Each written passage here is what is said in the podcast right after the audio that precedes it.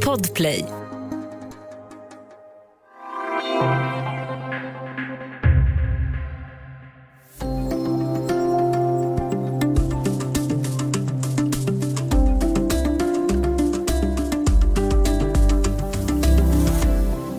Beskriva någon som nyrik, det är ju sällan positivt menat. Man tänker lätt på någon som flashar med en bil eller en klocka, kläder och lyxlunch.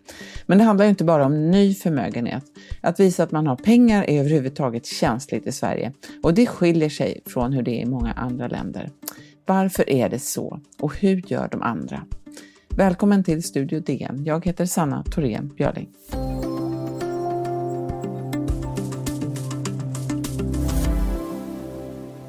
Ja, det finns inte så många tabun kvar i Sverige, men man kan hävda att pengar är ett av dem. En vän till mig berättade en gång om hur hon var på en konferens där hon lyssnade på en föreläsning på det här temat.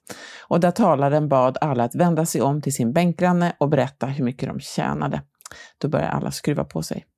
Med oss för att prata om pengar och pengars värde har vi idag Lovisa Ternby som är ekonomireporter på Dagens Nyheter. Välkommen! Tackar, tackar. DN har ju i en stor artikelserie här under sommaren granskat pengarnas roll för människors känsla av lycka eh, på olika sätt. Vad tänker du själv om pengar som en väg till lycka? Ja, alltså i den här serien då så har vi bland annat pratat med forskare eh, och forskningen visar ju att eh, pengar har betydelse för vår lycka, men det är ju framför allt när man är fattig. Eh, och sen så efterhand så slår man ju i ett tak, så att man blir liksom inte lyckligare när man är ganska rik. Men eh, det taket har inte jag slagit i än i alla fall. Inte jag heller. Um, World Value Survey det är en stor värderingsundersökning som görs regelbundet och de ställer frågor om en massa saker, bland annat om pengar. Vad säger den om vilket värde som svenskar sätter på pengar och vad vi förmedlar till våra barn om den saken? Ja, alltså eh, som en liten bakgrund så min ingång i det här var att jag trodde att svenskar värderar pengar väldigt, väldigt högt. Eh, och det vill jag leda i bevis på något sätt. Men det visar sig att eh, svenskar i alla fall svarar att de inte gör det. Eh, och det World Value Survey gör är att de, de undersöker hur, eh, eller vad man värderar, eh, att, att, eh, vilka värderingar man vill ge vidare till sina barn. Och anledningen till att de gör det är för att det ses som en liksom, väldigt grundläggande djup värdering. Eh, och eh, där har svenskarna svarat de, de eh, rankar inte alls pengar och saker högt när de ska ge vidare, eh, i, det de ska ge vidare till sina barn helt enkelt. Hur speciellt är det där då, om man jämför med andra länder? Ja, men det, det är ganska speciellt. Det finns andra länder som också gör så, men om man ser till exempel till eh, stora delar av Mellanöstern, eh, Östeuropa och så, så har de, de värderat det mycket, mycket, mycket högre. Men du Lovisa, vad, tror, vad säger man? Vad, vad, finns det för förklaringar? Det är, ju, det är ju lätt att föreställa sig att det är de här starka socialdemokratiska traditionerna här, där man har strävat efter att jämna ut skillnaderna, att det spelar stor roll. Eh, hur viktigt är det där och vad finns det för annat?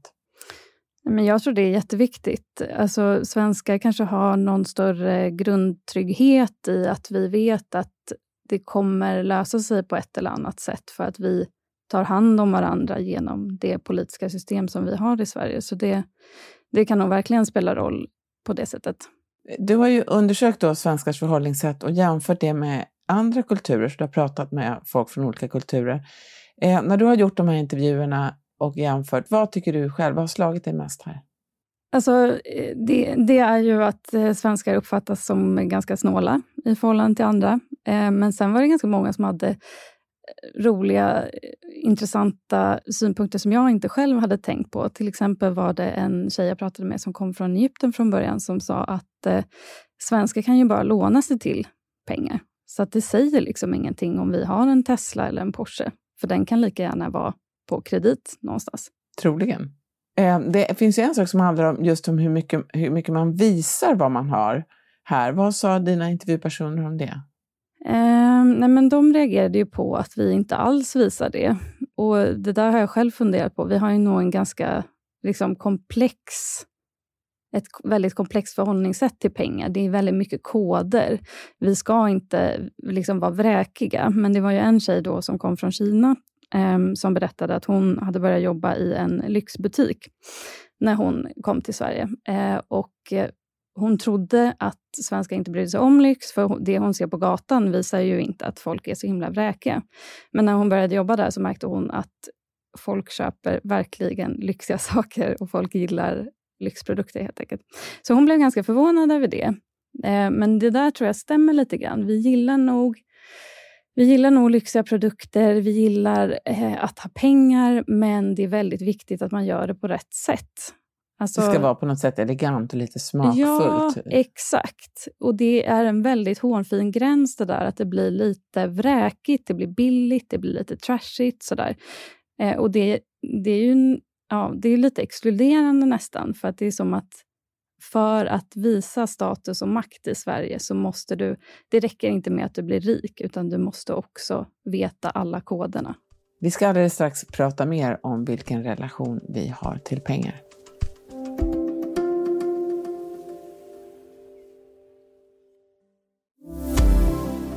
Studio DN idag om pengar och vad vi har för relation till pengar och hur viktigt vi tycker att det är. Eh, det här i Sverige, att vi drar oss för att skylta med pengar som du var inne på Lovisa, det är ju eh, lite grann av en bluff då. Att man, eh, det finns ju gott om markörer som inte är vräkiga, men som vi ändå uppfattar. Särskilt, eh, jag tror att i vissa kretsar så uppfattas vissa markörer, i andra kretsar så uppfattas andra markörer. Det vet ju minsta barnunge hur man ser om ett par jeans är märkesjeans eller inte.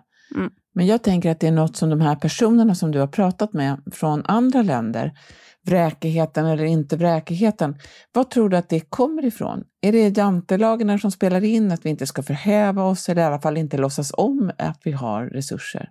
Ja, men det tror jag spelar in jättemycket. Eh, vi ska ju inte... Alltså det är väl något religiöst arv kanske också, i viss mån. Eh, varför vi har fått den kulturen vi har fått är ju, det är ju ganska svårt att säga. Det är ju jättemånga komplexa historiehändelser som, som spelar in där. Eh, men eh, det var en av personerna som sa att eh, det är väldigt svårt i Sverige att veta vilket ideal man ska leva upp till. Vi någon som cyklar på gatan, som han sa, kan lika gärna ha jättemycket pengar på, på banken och man har ingen aning här helt enkelt. Eh, och varför det är så, det, ja, det är svårt att spekulera i. Vad tror du? Jag vet inte. Jag tänker att det är väl ganska bra att man inte vet. Döm inte hunden efter håren, lite så. Eh, men en annan sak är ju just eh, hur svenskar uppfattas av, du är, några av dina intervjupersoner är inne på det, om den här vikten av det här transaktionella, att vi kan uppfattas som snåla eller mindre generösa för att vi splittar notor och betalar för oss själva och man ska inte bli bjuden. Och att det kan uppfattas som ganska ogint, men att det eh, kanske faktiskt inte är det, utan att det är bara ett sätt, ungefär som att svenskar uppfattas som otrevliga för att vi inte pratar med varandra på en busshållplats. Mm. Men det har egentligen ingen, vi kanske inte är så himla otrevliga när man väl börjar prata. Nej, men det där är ju en sån typisk kulturkrock verkligen. Vi, det, det handlar ju inte alls om att vi är mer snåla än någon annan. Eh, men jag tror vi har inte samma tradition av att det är viktigt att man uppfattas som generös. Det, det har liksom ingen betydelse för oss. Och sen tror jag också att vi är väldigt, väldigt, väldigt rädda att hamna i beroendeställning till någon. Det är liksom individualismen kryper in där riktigt.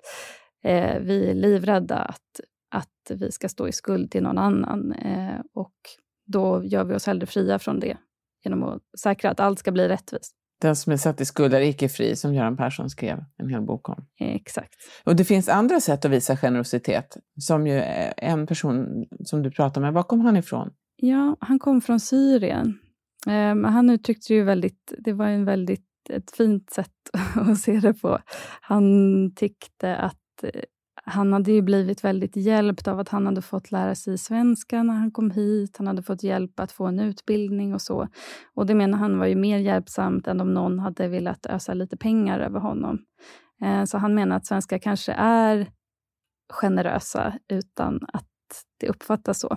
Och sen eh, något jag inte skrev om, men som han också sa, var ju att ja, men titta på, på svenskar när de är på solsemester i Thailand till exempel. Då är det då vill man spendera sina pengar och man bjuder jättegärna alla på massa öl och sådär. Så det kan vara lite, det kanske handlar också om den kontexten vi befinner oss i. När vi är i Sverige så, så blir vi lite mer snåla, men när vi är någon annanstans så brassar vi på. Just det, vardagssnåla. Jag tänker, du är inne på det där med individualismen. Det finns ett resonemang i, i eh, boken I svenska människa av historikerna Henrik Berggren och Lars Trädgård. Jag vet inte om du har läst den? Delar av den. Ja, hela den boken handlar ju om just den här individualistiska mot det kollektiva eh, och hur, man, hur vi kanske uppfattar oss som kollektiva i Sverige, men att hur vi i själva verket är väldigt individualistiska. Och att vi genom det här välfärdssystemet har gjort oss fria från beroende just. De pratar ju till och med om den svenska teorin om kärlek som är en förlängning av det här. Att klara sig själv, det ger oss en större frihet. Om man jämför med, med många andra länder där man är väldigt beroende av till exempel en familj eller ett nätverk för att klara sig. Så är det ju även i USA där man verkligen behöver familj och grannar och så.